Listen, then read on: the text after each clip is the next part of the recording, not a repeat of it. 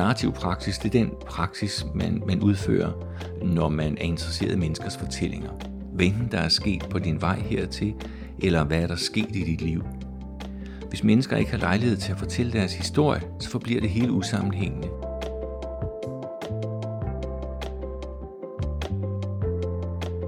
Du lytter til Socialpædagogernes podcast. I dette afsnit kan du blive klogere på narrativ praksis, der har fokus på at opbygge positive livsfortællinger. Vi kommer omkring teorien bag, og hvordan de arbejder med narrativ praksis på døgntilbuddet Bakkevej i Hornsyld. Rigtig god fornøjelse.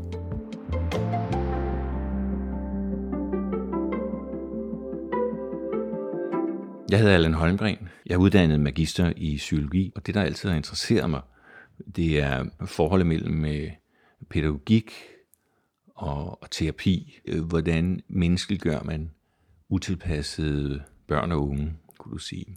Øh, socialpædagogik har, har sådan været mit fundament gennem hele livet.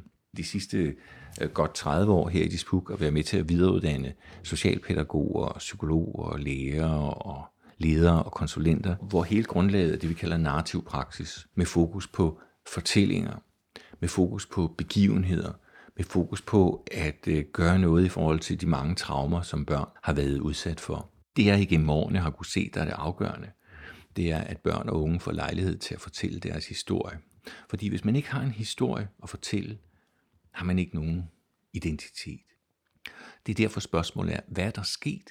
Vi skal have fokus på handlingerne, fordi handlingerne er det primære.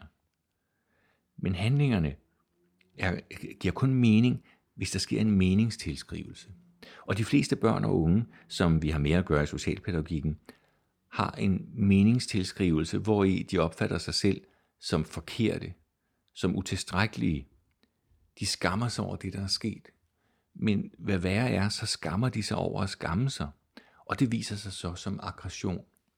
Så kernepunktet er, at der er sket noget, der har været begivenheder i de børn og unge menneskers liv, og der laver de nogle konklusioner om sig selv, som at de ikke er værdige til at være her, at de er forkerte, og det er de andre, der er de dumme. Når, når børn og unge har smadret et helt værelse, må man jo sige, hey, hvad søren skete der lige her? Så man ikke begynder at skælde ud og opføre sig aggressivt over for børn og unge, der er styret af aggressivitet. Og aggressivitet handler om, om skam. Så derfor ønsker narrativ praksis at sige, der kan også fortælles andre historier om dig. Der kan også fortælles andre historier om dit liv. Du gik ind med en sodavand til, til din kammerat. Hvad var din intention med at gøre det? Hvad fortæller det dig om dig selv, og hvad du også kan? Sådan så, at vi skal hjælpe mennesker til at, at, at, at kigge på andet end den negative den identitetskonklusion, den tynde identitetskonklusion. Vil sige, hør her, har du en fornemmelse af, hvad der er vigtigt for dig.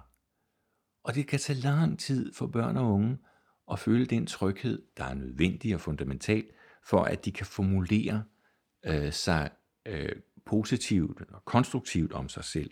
Men det er grundlæggende, det er kredoet i narrativ praksis, at der altid kan fortælles opbyggelige historier. Men det er ikke pædagogen, der skal fortælle den historie. Vi skal have børn til at, og unge til at sige, Nå ja, det gjorde jeg jo også. Det kan jeg jo også. Når man har et ændret perspektiv på sit eget liv, så får man også en ændret fortælling. Så er det, at det nye perspektiv skaber et nyt fundament. Børn har som oftest haft et, et godt forhold til bedsteforældre eller onkler og tanter, øh, hvis de har haft et helvedes forhold til deres forældre. Der har altid været steder, øh, hvor børn, unge og voksne føle sig velkommen, eller føle en vis form for frihed. Og det er de steder, som, som den narrative praksis ønsker at opbygge en alternativ, positiv fortælling om. Hvad var det, der blev grundlagt der hos mormor og morfar, som, som du ikke mødte derhjemme? Sådan så, at mennesker oplever, at de bærer kimen til det gode liv med sig. Og det er den kim, det er det frø, som den pædagogiske opgave består i at nøse, og vande om og, og, give, og give, give gødning, for nu at bruge de metaforer.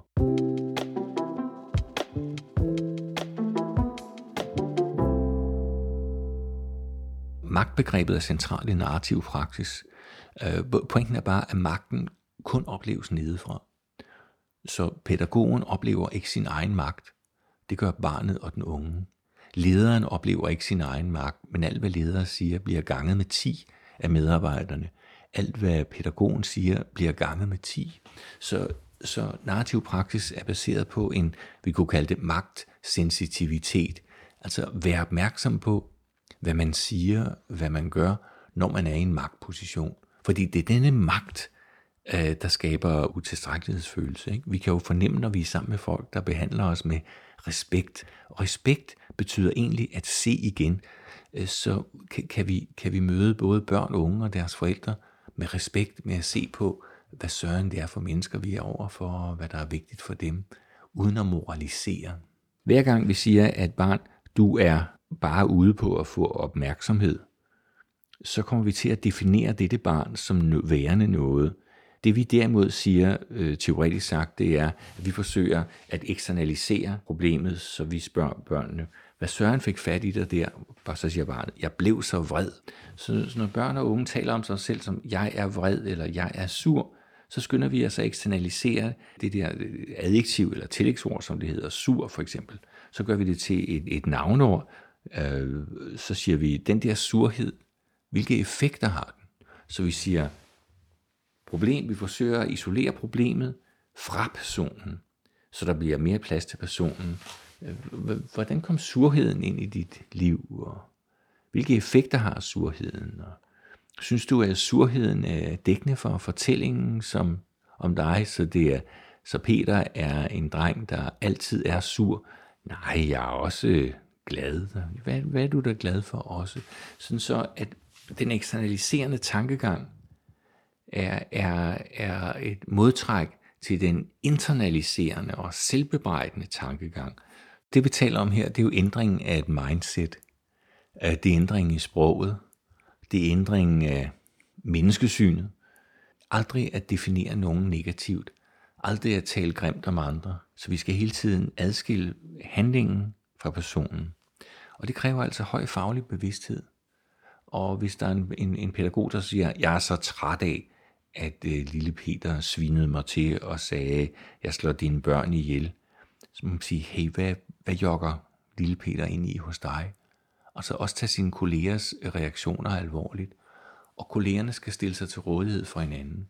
De skal både stille sig til rådighed, så de kan tale om det, der er svært for dem, men de skal også stille sig til rådighed og være nysgerrige i forhold til hinanden. Det handler om at få det, det narrative jargon, øh, den narrative dialekt, om du vil, med ind i sit sprog, så man i personalgruppen ikke kommer til at definere børn og unge, som om at de er noget, men kan komme til at se, hvilken effekt børn og unge har på en selv. Øh, da jeg var forstander, øh, så talte jeg jo tit om, hvilken af de unge kan irritere dig eller gå der på. Så sagde jeg ofte, hvordan ligner du det barn eller den unge? Og så fik folk som regel et chok. Og ja, for fanden der.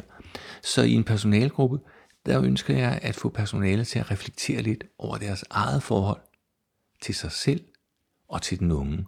Så vi ikke kun taler om den unge, men taler om mit forhold til mig selv. Altså hvad er det, jeg ikke kan holde ud hos mig selv, som jeg møder hos den unge. Og, og i en personalegruppe kan man også sige, du gjorde sådan, eller du synes sådan, fordi hvad er vigtigt for dig? Vi skal have både børn, unge og personale til at fortælle om, hvad der er vigtigt for dem i deres arbejde og i deres liv. Det er fordi, det er så vigtigt, at børn bliver hørt. Det er så vigtigt, at personaler bliver hørt. Fordi en af de øh, teoretikere, vi også bruger, det er den norske samfundsforsker Nils Christi, der har skrevet øh, verdens bedste bog, kalder jeg det. Den hedder Små ord om store spørgsmål. Der skriver han der på side 89, man bliver lille af ikke at blive hørt.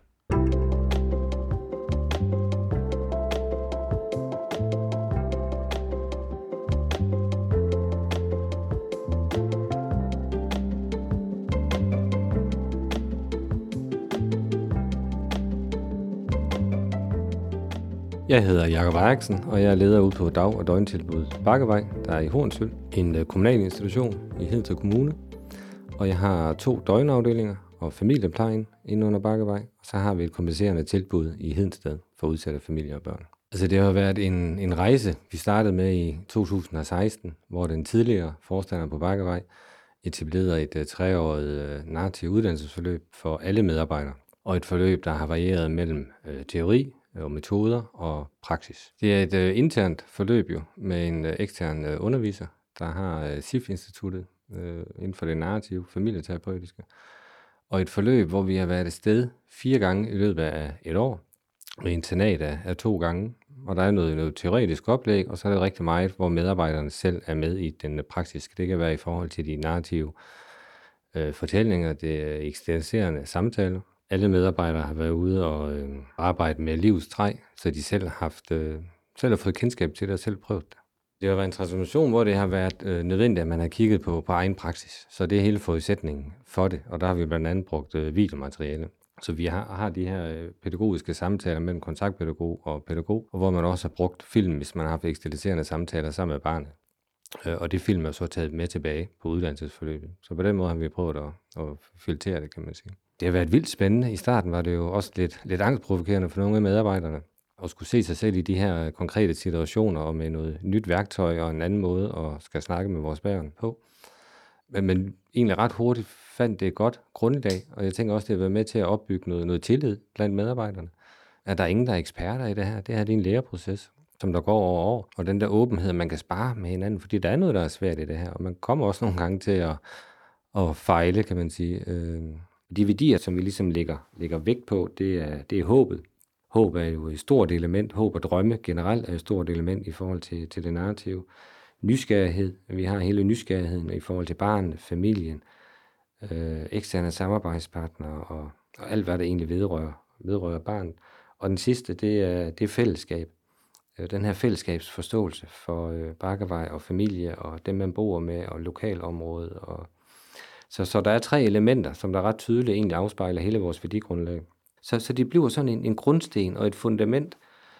Jeg tror, det har haft kæmpe betydning, at vi har haft alle medarbejdere involveret i det her, at det ikke har været en ledelse eller et medudvalg, eller hvad det kan være, der ligesom får, får arbejde med det her, men det er faktisk hele medarbejdergruppen. Så har vi til vores personalemøde, de er meget struktureret, og vi har, øh, alle børn har nogle udviklingspunkter. Ud af de udviklingspunkter, der er nogle praktiske metoder, vi arbejder med. Og der har vi en timeevaluering øh, på hver barn hver 6. uge, så vi er hele tiden skarpe på den der metodiske tilgang, og ud fra de observationer, vi laver, øh, og så ud fra den udvikling, vi ser ved barnet. Så vi har altid den her registrering at sige, er det den her pædagogiske metode, har det den ønskede effekt, ser vi en udvikling i forhold til barnet, så det stiller vi simpelthen skarp på hver 6. uge, så, så det er fuldstændig struktureret. Så har vi øh, vores medarbejdersupervisioner, øh, er faktisk samme underviser, som der, øh, der superviserer øh, narrativet i forhold til medarbejderne. Og en, der kender medarbejderne rigtig godt, øh, så, så det er jo også at gå ud og tage praksisfortællinger for hverdagen og tage med ind i vores øh, supervisionsrum og få det øh, foldet ud, kan man sige. Og blive ved med at arbejde med sig selv og kigge på sig selv, at det kan være sårbart. Fordi man kan som medarbejder kan man også komme til at lægge et ret stort ansvar over i sig selv, og det kan være tyngende for den enkelte medarbejder. Og det kræver rigtig meget sparring, og det kræver, det kræver også rigtig meget supervision at se sig selv så meget i spil.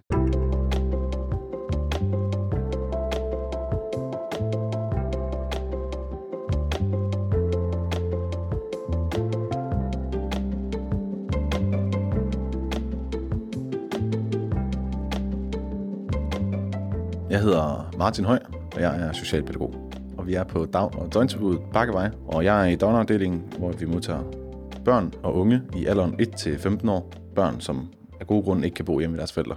Og nativitet, det er egentlig en form for terapi. Det er den tilgang, at vi godt kunne tænke os at ændre det narrativ, som de fleste af vores børn de kommer med. Øh, mange af børnene, som flytter ind øh, hos os, de har øh, en narrativ fortælling med, som, som vi gerne vil ændre på, fordi det narrativ det er ofte skabt i det omsorgsvægt, som børnene de har været i. Det kan være et narrativ omkring, at øh, jeg er altid den, der slår, eller jeg er altid den, der bliver slået. Øh, og så arbejder vi med at få lavet fortællingerne om børnene om.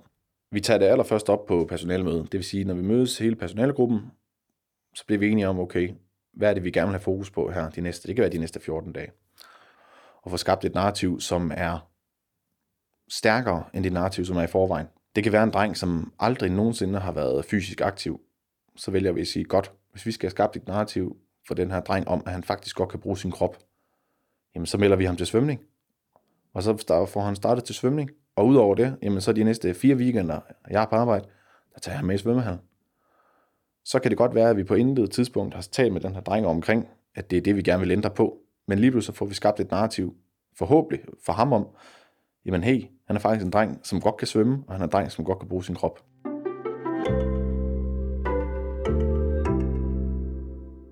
Alle børn er ikke klar til at, at, at arbejde med at lave en ny fortælling om dem selv, altså et nyt narrativ.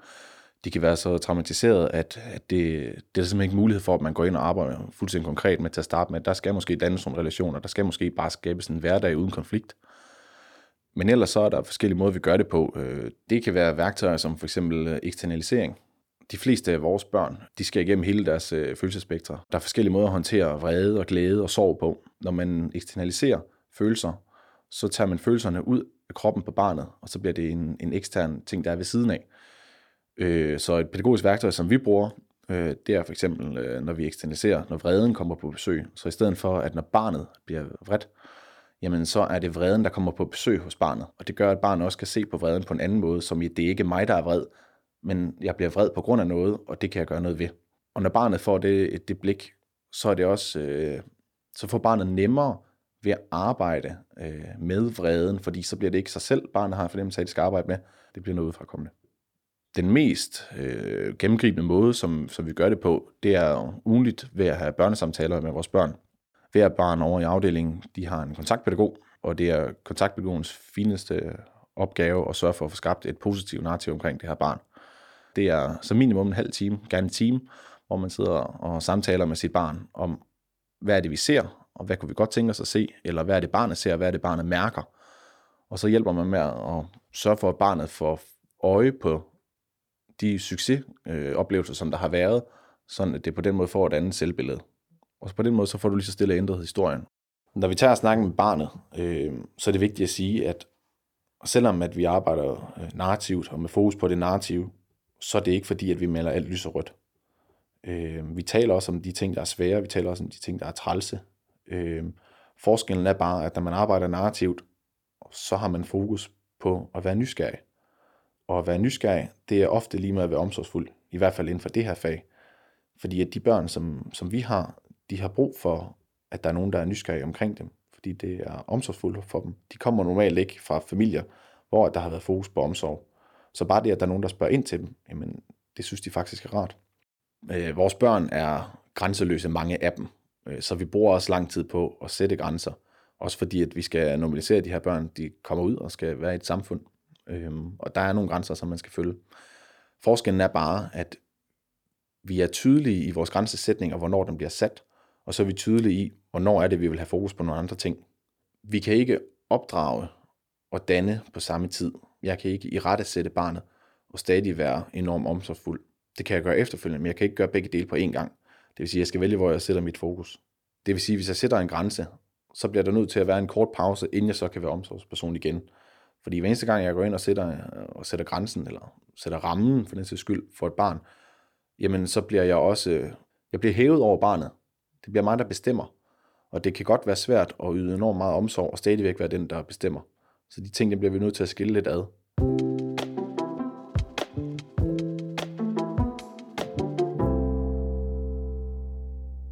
Alle vores børn, så arbejder vi med det, der hedder livets træ. Det, som livets træ det er, det er en metode, hvorpå man kan arbejde på at skabe en ny identitet for barnet. Øh, helt lavpraktisk, så sidder barnet og pædagogen i samme rum, og så tegner man. Hvis barnet har mulighed for det, så tegner barnet, øh, og barnet tegner et træ, og på det træ, der kommer blade, der kommer rødder, og der kommer en stamme, og måske en gynge, og nogle sure frugter. Og alle de ting, som man tegner, de symboliserer noget forskelligt. Og hele den måde, man så arbejder med det på, det er, at pædagogen går ind øh, og bruger nogle terapeutiske øh, spørgemetoder, og på den måde så får barnet åbnet sig op, og mens det så tegner, så får det øje på nogle ting. Øh, et godt eksempel det er, at når man tegner øh, træet, jamen så rødderne, det er det, der holder træet fast. Rødderne, det er ofte forældre, eller primære omsorgspersoner førhen. Øh, stammen kan være barnet, så kan bladene være nogen, som er tæt på barnet, og de sure frugter kan være noget, som har en negativ påvirkning på barnet. Eller i bedste fald, så kan det være, at barnet siger, at øh, de sure frugter, det kan være vreden, der kommer på besøg, altså at barnet selv eksternaliserer, så er vi rigtig langt i processen.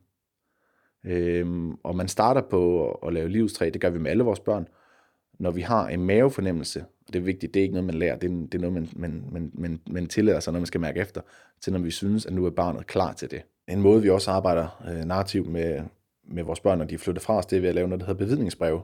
Det er en metode, øh, hvorpå man skriver ned, hvad barnet ofte har været, hvad det har sat i gang ind i en, og på den måde, hvordan det har ændret noget menneskeligt i, i pædagogen. Og så bliver det et brev, som bliver skrevet med enormt mange følelser, og med henblik på også at fortykne den fortælling øh, på barnet, den proces, som barnet har været igennem. Og når barnet så flytter fra øh, Bakkevej, jamen så får barnet de her bevidningsbreve med sig. Det vil sige, at når som helst, hvor som helst barnet kan have lyst eller behov for det, jamen så kan de læse de her breve igen. Og så huske tilbage for det første, som tiden på Bakkevej, som om, at det var en positiv oplevelse, men også, at de så bliver mindet om den positive udvikling, de har været i. Og i den måde får jeg får et positivt selvbillede og en identitet, som er noget stærkere, end da de kom.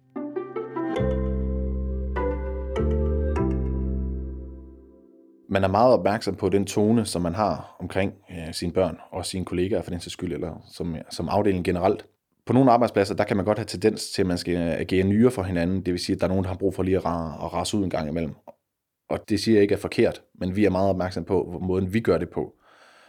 Fordi hvis jeg kommer ind til mine kollegaer og siger, at øh, ham her han har simpelthen været en, en, en kæmpe mundfuld for mig i dag, og det har været så træls, jamen så på samme, samme tid, så får jeg skabt eller fortygte det her narrativ omkring, at det her barn, det er faktisk bare pisse irriterende nogle gange. Og det er vi meget opmærksom på, at det skal vi ikke. Øh, så det kræver enormt meget af den enkelte medarbejder, men også af dem, der lytter, at de er opmærksom på at fortælle, hvornår er det faktisk, at vi går over stregen. Så i personalgruppen, der har vi fokus på, at vi indbyrdes taler positivt om vores børn. Fordi det gør også, at vi får et mere positivt billede af vores børn. Alle børn eller alle mennesker kan gå ind på nerverne, og særligt vores børn, som er så omsorgsvigtige som de er, jamen de, de ved lige præcis, hvordan de skal triggers. Når vi så i personalegruppen skal tale om de ting, som kan være svære for et barn, eller også de ting, som er svære i os, så er vi meget opmærksom på, at vi gør det, når vi har supervision. Øh, vi har en fantastisk øh, ekstern supervisor, som kommer ud og hjælper med at få, få sat ord på, jamen, hvad er det, der rører ind i os. Og hvis vi ikke gjorde det, jamen, så vil det være svært at arbejde sådan her fordi så vil vi også holde fast i de negative fortællinger, som ofte er, og som vi også ofte står i. Altså vores børn, de, øh, de går tit i konflikt, fordi det er det, de kender, og kroppen går tilbage til det, den kender. Det gør mig mere rolig, fordi at jeg har en faglighed med, der gør, at jeg ved, at barnet handler på den her måde, på en given situation, og jeg ved, øh, min faglighed gør, at jeg ved, hvordan jeg skal handle på det. Det vil sige, at det bliver ikke personbestemt, og det bliver ikke, hvad føler jeg er det rigtige. Det bliver noget, som vi har valgt, at det er sådan her, vi gør det.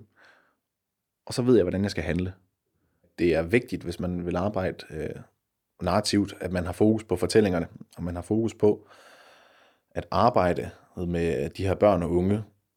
Det er livslangt, og vi har dem kun en periode.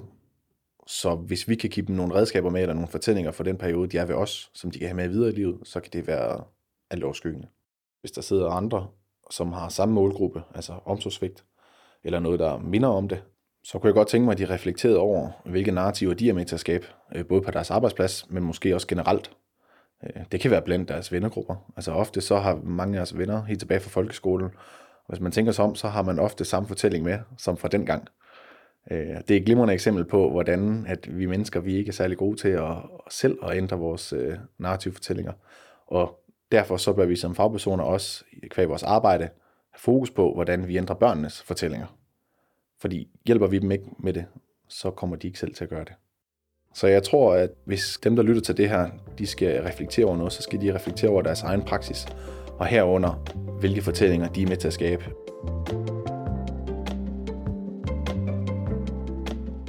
Du har lyttet til Socialpædagogernes podcast. Er du nysgerrig efter mere viden, kan du gå på opdagelse i vores faglige univers på sl.dk-fagligt fokus. Programmet er produceret af Genlyd Podcast. Tak fordi du lyttede med.